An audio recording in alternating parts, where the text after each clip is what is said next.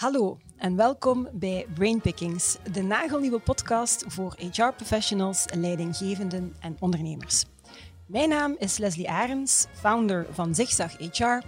En elke week kruip ik in het hoofd van een centrale gast om ideeën, inspiratie, best en next practices te pikken waar jij mee aan de slag kan gaan. In jouw organisatie of in jouw HR-team. Vandaag ben ik voor de laatste keer te gast bij Upgrade Academy. Dat is een fantastische plek in het fantastische Gent. Uiteraard weten jullie ondertussen allemaal dat ik zelf een ras-echte Gentse ben. En Upgrade Academy maakt deel uit van Upgrade Estate.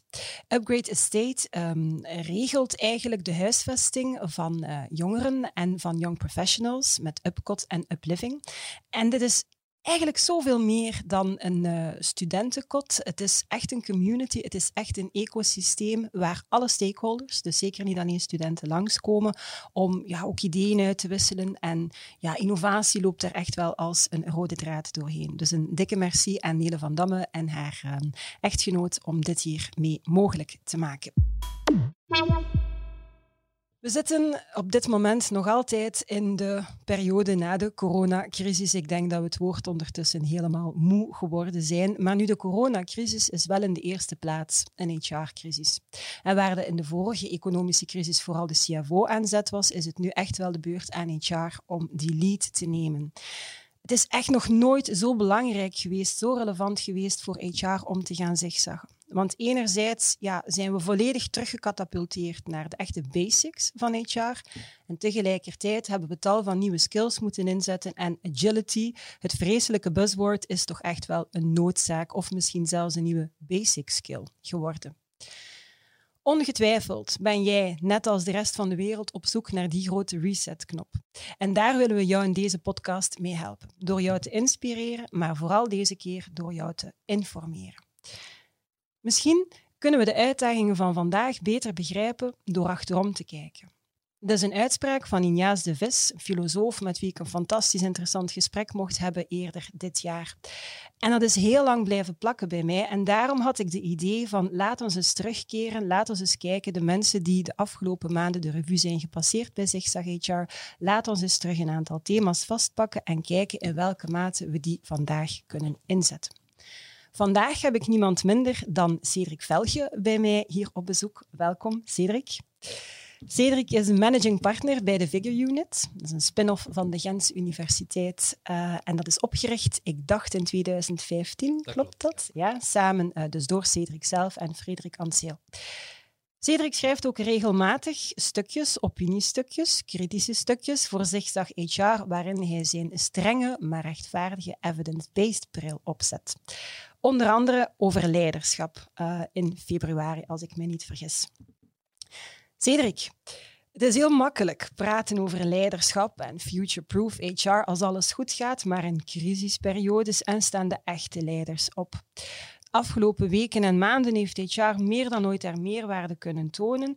En wat we nu eigenlijk nodig hebben binnen HR, naast heel veel inspiratie, is ook actuele en betrouwbare informatie.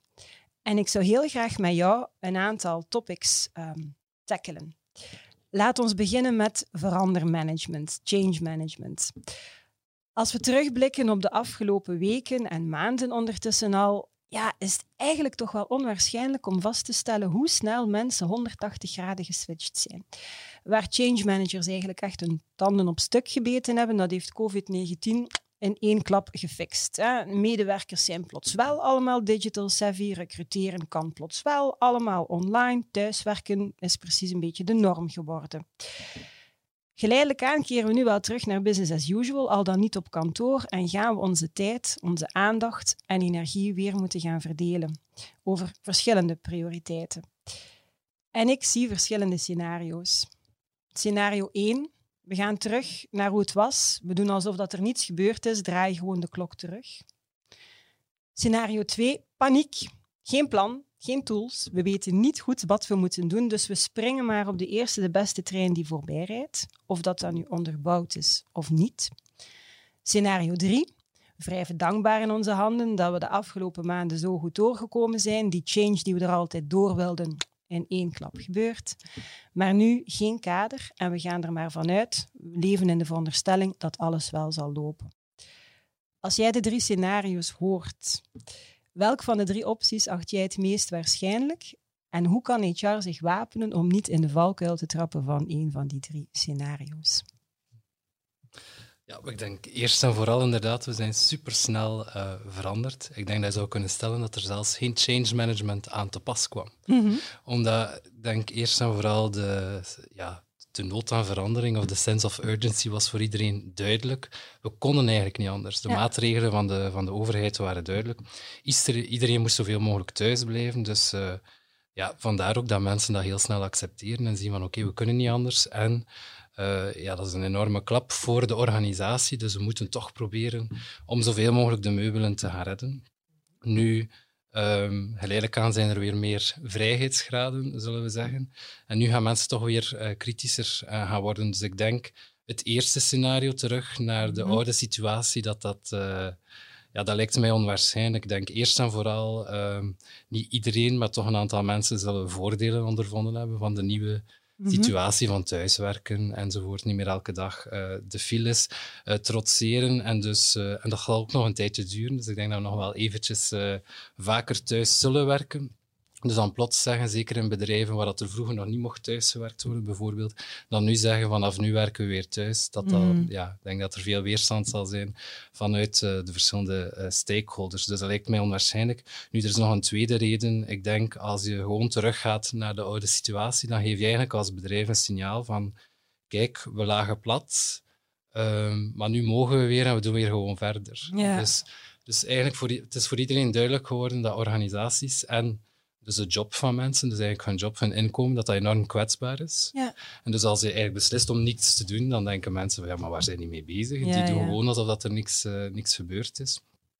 Dus denk ik dat mensen ook wel verandering verwachten. Ja. Um, dus, dus dat blijft. Dus zou je kunnen denken van ja, scenario 2, scenario 3, dat is oké, okay, want mensen verwachten verandering.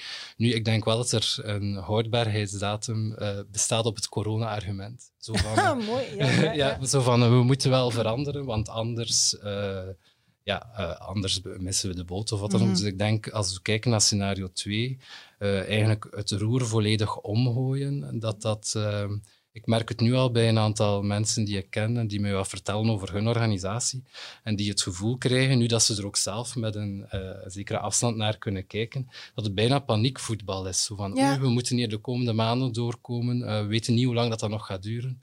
Dus we gaan volledig het roer uh, omgooien, maar dan Ja. denken mensen van, ja, maar wat is de lange termijnvisie? Want Ja.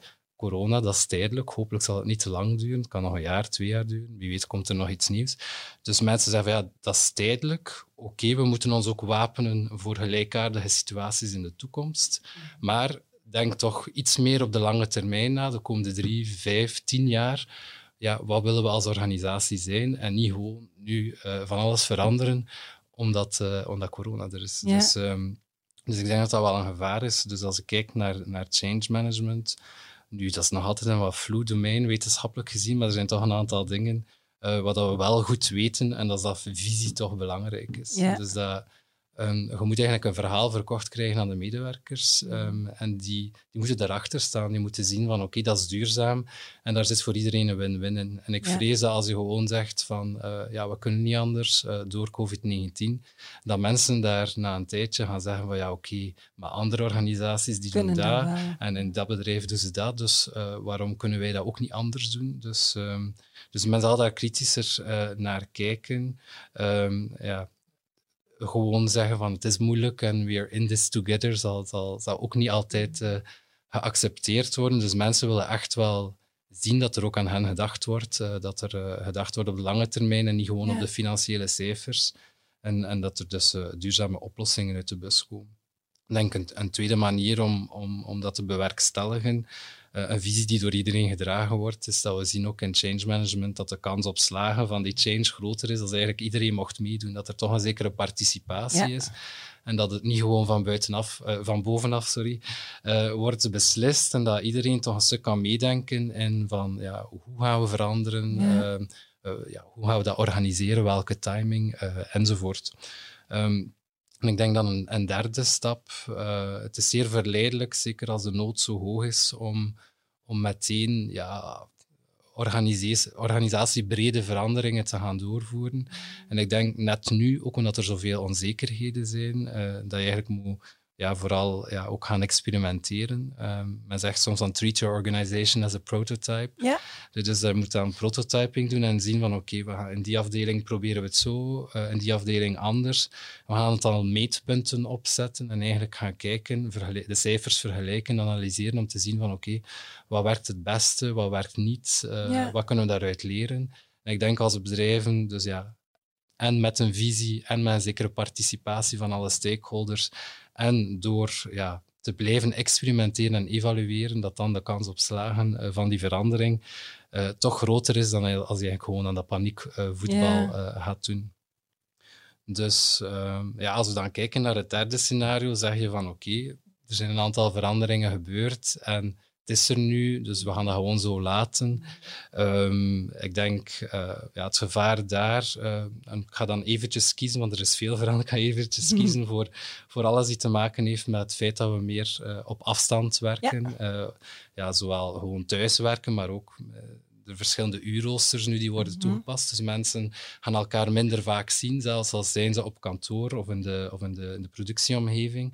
Dus de afstand, dus de kans, uh, ja, de hoeveelheid fysiek contact tussen uh, werknemers is sterk afgenomen. Uh, dat zal weer toenemen, maar ik denk dat we toch in een situatie zitten dat yeah. we blijven minder zijn. En er is ook veel, veel meer digitale communicatie. Nu, Gelukkig is daar vrij veel onderzoek naar gebeurd. Natuurlijk niet in de context van een crisis zoals deze, maar wel um, als je kijkt wat is de impact van eigenlijk meer fysieke afstand en meer digitale communicatie, dan zien we dat dat eigenlijk negatief kan uitpakken. Dat eigenlijk de, de, de, performantie uh, van, die, van die werknemers of die teams achteruit kan gaan en dat ook het welzijn uh, achteruit uh, kan gaan.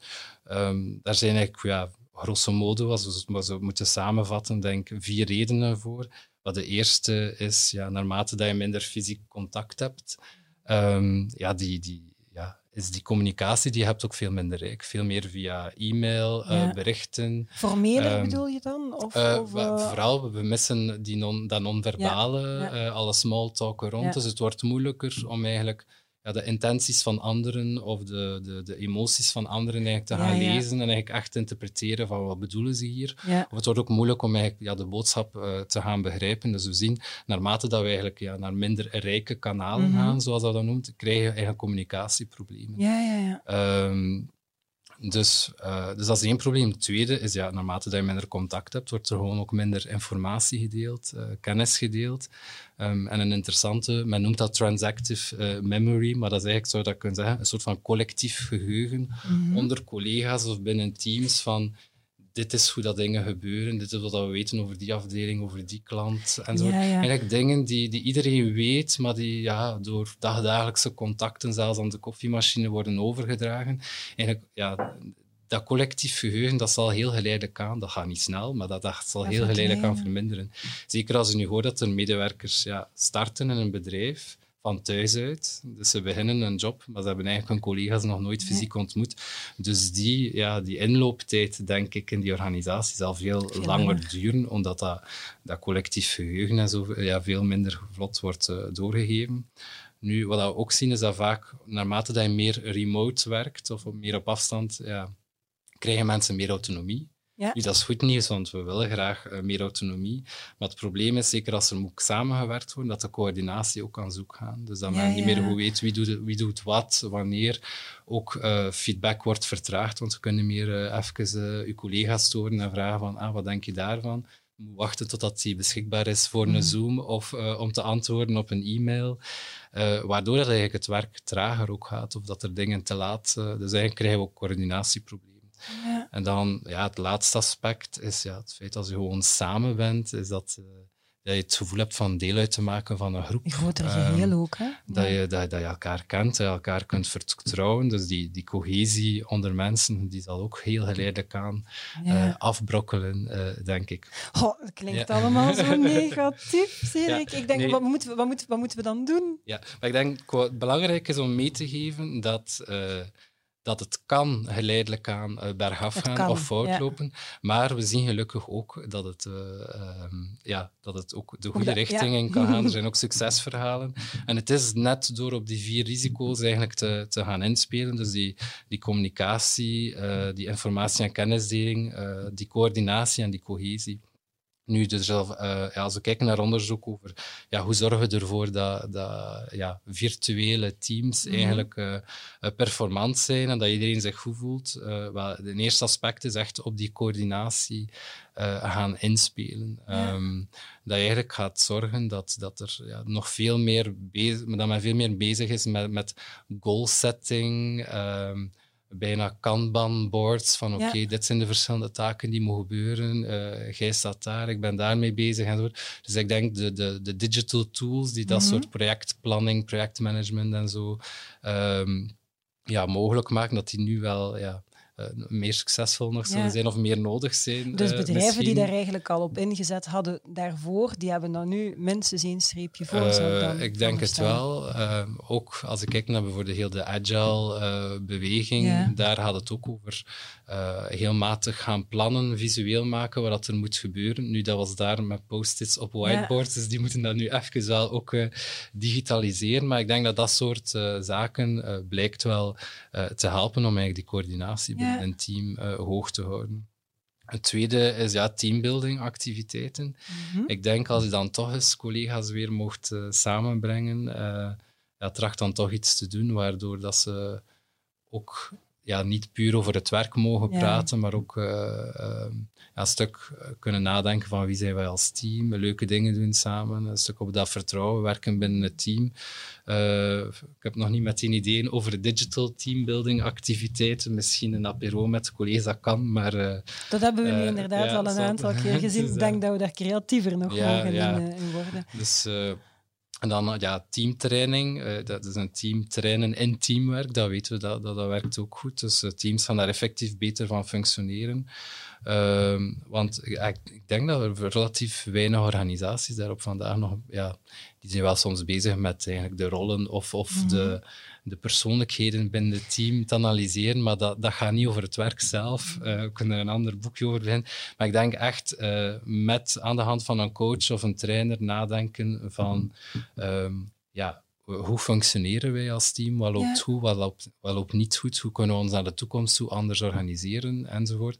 Dat uh, dat, dat soort trainingen wel heel dankbaar zal zijn. Dat brengt mij bij het laatste puntje ook als we kijken naar succesvolle teams, ongeacht of dat nu sportteams of, uh, of uh, investeringsteams of ondernemingsteams of wat dan ook zijn. Een van de belangrijkste um, voorspellers eigenlijk um, van, van die performantie is, ja, men, met een moeilijk woord noemt men het team reflexivity. Mm -hmm. En dat is eigenlijk een eigenschap van teams om te gaan beschrijven in welke mate dat dat team zijn eigenlijk constant bezig is met zichzelf in vraag te stellen. En eigenlijk te gaan kijken, ja, en, ja. en eigenlijk te gaan kijken van ja, zijn we nu goed bezig?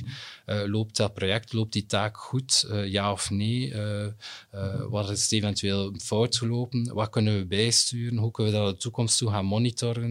enzovoort. Dus eigenlijk voortdurend ja, zichzelf gaan analyseren, ja. om met het oog op leren en zichzelf verbeteren. Dat dat eigenlijk ja, een kenmerk is die succesvolle teams van anderen uh, onderscheidt. Nu, dat is ook iets wat je effectief met teamtraining en bepaalde tools kunt gaan stimuleren binnen teams. En ik denk zeker als mensen veel minder fysiek samenkomen, of het, ja, de manier van werken is nu plots veranderd, mm -hmm. dat men ja, nu, nu het wat rustiger wordt, dat men zeker de tijd moet nemen en dat soort, voor dat soort activiteiten en eventjes ja, te nadenken van uh, ja, dat is nu anders. Uh, ja, maar is dat nu eigenlijk wel goed? Of moeten we dat bijsturen? Uh, ja of niet? Dus dat zal wel belangrijk zijn. Ja, ja die evolutie naar, uh, naar teams en, en dan ja, heel um, belangrijk om te reflecteren, maar wat ik mij ook herinner, het uh, gesprek met Bert Bruggemans, die dan vorige -hmm. week op bezoek was. Ik weet voorafgaandelijk, uh, vlak voordat we de podcast, uh, of vlak na dat we de podcast hebben opgenomen, dan zei hij ook het belang van, als er een interventie was geweest bij de brandweer, dat, dat direct met het team eigenlijk besproken wordt van wat ging goed, wat moet anders, maar dat dat team dus eigenlijk die reflectie maakte. En tegelijkertijd ook elk individu keek van wat is mijn aandeel geweest in dat team.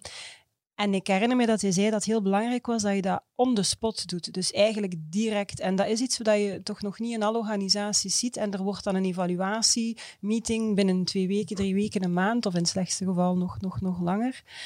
Ik leg die, die, um, die link daar inderdaad. Ja. En tegelijkertijd hoor ik, en misschien gaat dat zelfs wel um, ja, de komende jaren, ik weet het niet, aan, uh, meer aan belang winnen. Ik, ik, ik hoor heel veel paradoxen ook. Um, niet alleen bij jou, maar in het algemeen. Je zegt het belang van het team, maar tegelijkertijd het belang van de zelfontplooiing. Het belang dat ik in andere gesprekken al hoorde van, ja, ik heb nood aan structuur voor veiligheid en toch tegelijkertijd, ja, ja ik wil wel autonomie en mijn ding kunnen doen. Dus ik vind dat we in een heel paradoxale omgeving terechtkomen, waar, ja, met heel veel tegenstrijdigheden. Hoe, ja, en hoe ga je dat dan gaan, gaan verzoenen? Herken jij dat ook? Of, uh... ik eventjes over nadenken. Um, ik, ja, paradoxen, maar ik denk dat ze elkaar niet altijd uh, moeten uitsluiten, denk ik. En, en um, hoe bedoel je? Um, als, als we teruggrijpen naar het gedeelte rond autonomie, ja, mensen willen inderdaad een stuk kunnen zelf uh, hun tijd indelen, zelf bepalen uh, ja, hoe dat ze gaan werken doen of, of, of, wat dat ze doen. Maar uh, ja, mensen gaan wel nog altijd spontaan anderen volgen. Dus we hebben nog altijd wel een, een, bijvoorbeeld een leider nodig of een, of een kader die zegt van oké, dit is de richting waar dat we uitgaan of, of dit is het kader waarbinnen, waarbinnen dat jij vrij mag, uh, mag opereren. Dus, ja. uh, dus dat speelt wel een rol. Nu, misschien andere domeinen is het iets wat uh, complexer. Straks, uh, ja, vermoed ik, gaan we ook nog over de kantooromgeving spreken. En ja. daar krijgen we ook een tweestrijd tussen ja, ik wil graag mijn eigen stekje, maar uh, we moeten naar een meer flexibele ja. omgeving. Dus maar dat is voor. Uh, ja, voor daar, wil ik het, daar wil ik het inderdaad zeker ook, ook met jou over hebben. En we kunnen zelfs misschien meteen die, die link gaan maken. En ja, Frederik Anseel schrijft sowieso al fantastische stukken elke week in de tijd. En het was, ja, ik weet niet, ergens in mei vermoed ik, had hij een stukje geschreven over dat, dat enerzijds bedrijven op dat moment bezig waren met de grote terugkeer naar kantoor en hoe gaan we ervoor zorgen dat alles soepel loopt. Ja, wat dat Frederik toch de kritische bedenking maakte van, maar willen de mensen terug naar kantoor? Je zegt het zelf, we hebben een bepaalde autonomie, vrijheid, een aantal nadelen. Ja, we winnen uren op een dag, hè? dus we, we hebben dat nu wel uh, gedetecteerd. Wil iedereen wel terug naar die omgeving met die, die, die plexibubbels uh, waar we dan allemaal gaan moeten inzitten en, en waar alles hands-free is? Zijn die kantoren nog wel nodig? Landschapskantoor, ik denk dat dat er waarschijnlijk wel zal uitvliegen. Ik weet niet wat, dat, uh, wat daar dan de resultaten zijn van uit, uit, de literatuur. Het idee was misschien wel leuk, maar ja, qua productiviteit uh, was, was, was dramatisch. Hè? Dus misschien heeft het kantoor zijn houdbaarheidsdatum wel een beetje overschreden en zijn we nu op zoek naar een, een ja, misschien meer een ontmoetingsplaats of een smeltkroes hoe zit dat nu? Eh, bestaat, daar, bestaat daar al materiaal waar jij kan op terugvallen om ons de weg te helpen wezen? Ja. Ik denk eerst en vooral, mensen gaan wel nog teruggaan naar kantoor. Ik denk mhm. dat ze dat ook willen. Ja. Uh, maar misschien wel wat minder inderdaad nu. Ja. Want we zien, ja, bij, naar, ja, als we kijken naar onderzoek bij mensen die thuis werken, um, als dat twee, drie dagen in de week is, eh, ja, hebben ze daar effectief wel voordeel van op vlak van uh, werk-privé-balans en dergelijke. Nu, als dat voortdurend thuiswerken is, ik hoor nu bedrijven die bijvoorbeeld uh, zeggen van iedereen blijft tot november thuis, is dat nu al gecommuniceerd aan de mensen, dan denk ik van ja, maar pas op, want we weten toch dat mensen uh, sociaal geïsoleerd en zo raken en, en dan heb je nog al die andere nadelen daar straks mm -hmm. heb opgesomd. Dus ja, dat zou ik misschien niet aanraden. Nu, als ik kijkt, uh, ja, het landschapskantoor, van waar komt dat vroeger? Vroeger was dat in de eerste plaats uh, een manier om kosten te besparen. Ja. We zetten iedereen samen. En dan is dat nadien een beetje verkocht geweest uh, in de zin van, ja, maar het stimuleert samenwerking en communicatie ja. als we samen op kantoor zitten. Um, en dus het is beter dan als iedereen apart zit. Nu, ondertussen, ja, dat is ook geanalyseerd geweest. En um, wat je eigenlijk ziet, um, mensen gewoon in één ruimte zetten aan een eiland, uh, bij wijze van spreken. Oké, daarmee breek je alle muren en zetten mensen samen. Uh, maar dat is eigenlijk niet genoeg om die samenwerking of die communicatie te gaan promoten. Mm -hmm. Ik denk dat misschien één reden is dat, dat mensen net uh, ja, de anderen niet willen storen en eigenlijk net minder gaan communiceren. Ja. Dus, uh, dus eigenlijk zijn er andere dimensies die je rekening uh, moet nemen. Dus niet zozeer van, ja, zit er nu een muur tussen uh, Leslie en Cedric? en eerder denken in, kan Leslie Cedric zien? Kan Cedric Leslie vaak zien? Um, zijn die dicht in de kantoor of in de werkomgeving? Zijn die dicht van elkaar? Of moet mm -hmm. ik naar het andere kant van het gebouw om, uh, om Leslie te zien? Uh, en is Leslie toegankelijk? Moet ik, of moet ik door allerlei deuren? Of moet ik eerst voor de, door de gang van de directie voordat ik, uh, de, voordat ik bij haar kan zijn? En het zijn eigenlijk dat soort dimensies die belangrijker ja. zijn. Dus denk ik dat je creatief kunt omgaan. Dus je sprak over glazen bubbels of plexibubbels. Ja. Misschien is dat nog zo gek niet. Oh. In die zin dat, ja, je ziet soms al moderne kantoren waar dat iedereen zijn eigen plek heeft, maar dat ja. eigenlijk alles gescheiden is door glas. Um, en ja, dat heeft als voordeel dat je eigenlijk kunt zien, ah, mijn collega is daar. Ja. En um, die, die lijkt mij nu druk bezig, dus ik moet nu niet even uh, de deur open doen. Ah, die is like, uh, precies afgeleid, dus ik ga nu even iets Ja, vragen. Dus die visibiliteit is er, uh, die nabijheid. Um, en, en, en ja, het blijft toegankelijk. Dus ik denk, um, ja, je ziet ook meer en meer nu al, al een stuk multifunctionele kantoren, Ja. waar je apart kunt werken, waar dat er informeel kan Die samengewerkt worden ook zo formeel- benoemd heel ja, vaak. Ja? De, de laat mij met rustkamer, eh, waar, je inderdaad niet moet, moet binnenkomen op dat moment. Ja. En ehm, dus er kan zeker intelligent omgegaan worden met eh, ruimte. Eigenlijk ook, ik denk, de structuur van een gebouw kan soms zo Mhm. zijn waar dat je kunt ervoor zorgen dat afdelingen of teams die elkaar af en toe moeten tegenkomen, dat die elkaar ook effectief tegenkomen op de hang of, aan de, of in de koffiemachine of op een andere plaats. Dus eh, er zijn ook ja, organisaties daar echt mee bezig. Ja, ja. Ehm, ik weet ook dat, dat eh, ja, dat is al een tijdje terug, dat ik hoorde van, van eigenlijk ja, apps, eh, digitale apps en zo, die men aan het ontwikkelen was. Om eigenlijk, Mhm. ja, op het moment dat jij naar kantoor gaat, dat die eigenlijk uw agenda en dergelijke analyseert om te zeggen, Leslie, ik denk vandaag moet je op tweede verdiep gaan zitten in die hoek, want dan ben je dicht van die en die die je later een afspraak mee hebt, of je bent nu op dat project bezig, dus het is belangrijk dat je meer in de buurt bent van die mensen. enzovoort. Wauw. Dus Ja. dat soort ontwikkelingen zijn wel, Ja. eh, zijn wel bezig. Eh, Ja. En dus ja, wie weet hebben we binnenkort een digitale assistent die ons zegt of dat we wel kunnen of mogen naar kantoor gaan. En zo ja, waar, waar dat we best plaats nemen. Ja.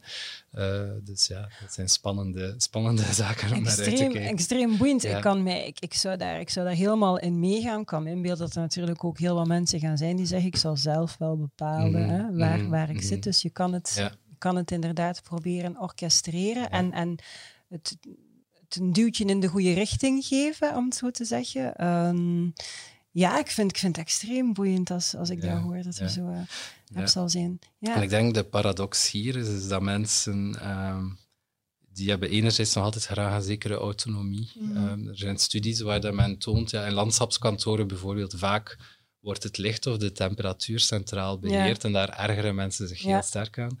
Dus de oplossing was dan van oké, we gaan zorgen dat er op het bureau toch nog een persoonlijk lampje staat, dat je zelf kunt aan- en uitzetten, dus zo'n dingen. Mhm. Eh, maar uh, anderzijds, het zit in ons om van zodra dat we ergens zijn, om eigenlijk ons die omgeving eigen te maken. Dus we hebben behoefte aan ons eigen bureau, waar dat we een, een plantje op kunnen Ja. zetten, een foto Ja. uh, enzovoort. Dus dat vloekt ook wel een beetje met nog meer dynamische ruimtes Ja. in de toekomst. Uh, wie weet, ja, ja, krijgen we de toekomst schermen die veranderen in functie van wie dat daar zit of zo. Van, ah, Leslie zit hier, dus we gaan haar foto tonen. dus, uh, Man, man. ja, The future of work. Ja, Ja. ja. Mooi. Dus, uh, Het, ehm, het, het klinkt onwaarschijnlijk boeiend. Ik, ik, we gaan sowieso heel boeiende tijden tegemoet. Het is al alleen een, een boetade aan het worden als we, als we zo uitspraken in de mond nemen. Ehm, maar ehm, ja, wat ik toch ook wel concludeer uit, uit ons gesprek is dat het toch wel cruciaal is om te kijken van vooraleer dat je iets gaat in gang zetten, dat je, dat je kijkt van naar onderzoeken, wat is daar eigenlijk al, al, al bewezen, wat zijn, wat zijn zaken die gaan werken, zonder dat je, in plaats van liever dat je in het wilde weg eigenlijk ja, van alles gaat doen. Of erger nog, zoals je net zei, van dat, dat sommige organisaties een volledige koerswijziging inzetten. Uiteindelijk is de bestemming voor de meeste organisaties, er zullen er zijn die inderdaad een fundamentele koerswijziging moeten ondergaan, maar voor de meeste organisaties is die bestemming eigenlijk dezelfde gebleven, maar de weg daar naartoe zal anders zijn door wat, wat, er, zich, wat er zich voordoet. Het is eigenlijk alleen de context die sterk veranderd is en die maakt dat je nu moet um, een andere richting of een andere route nemen. Alright, ik, um, ik vermoed zo dat wij ongeveer weer op een half uurtje gestrand zijn en ik probeer onze, onze gesprekken met onze gasten niet langer dan een half uur te houden, want als ik langer dan een half uur in uw hoofd kruip, dan gaat het hier helemaal knetteren bij mij. Dankjewel, Cedric, um, om um, jouw kennis, inspiratie, informatie met ons uh, te delen hier vandaag. Dankjewel ook om uh, te kijken en te luisteren. De volgende keer dat we elkaar zien of horen, heb ik uh, Joost Callens op bezoek, de CEO van Durabrik. En Joost ademt, net als ikzelf, levenslang leren. Is trouwens een attitude waar hij mensen bij Durabrik ook effectief op aanwerft. Natuurlijk wil jij dat voor geen geld ter wereld missen, dus abonneer je zeker op deze podcast of op dit videokanaal. Heb je honger naar nog meer? Surf dan naar zigzaghr.be en abonneer je op onze nieuwsbrief of grasduin gewoon eens door de artikels en de vele content die wij daar voor jou verzameld hebben. En ondertussen, don't forget, it's a great time to be in HR. Tot de volgende.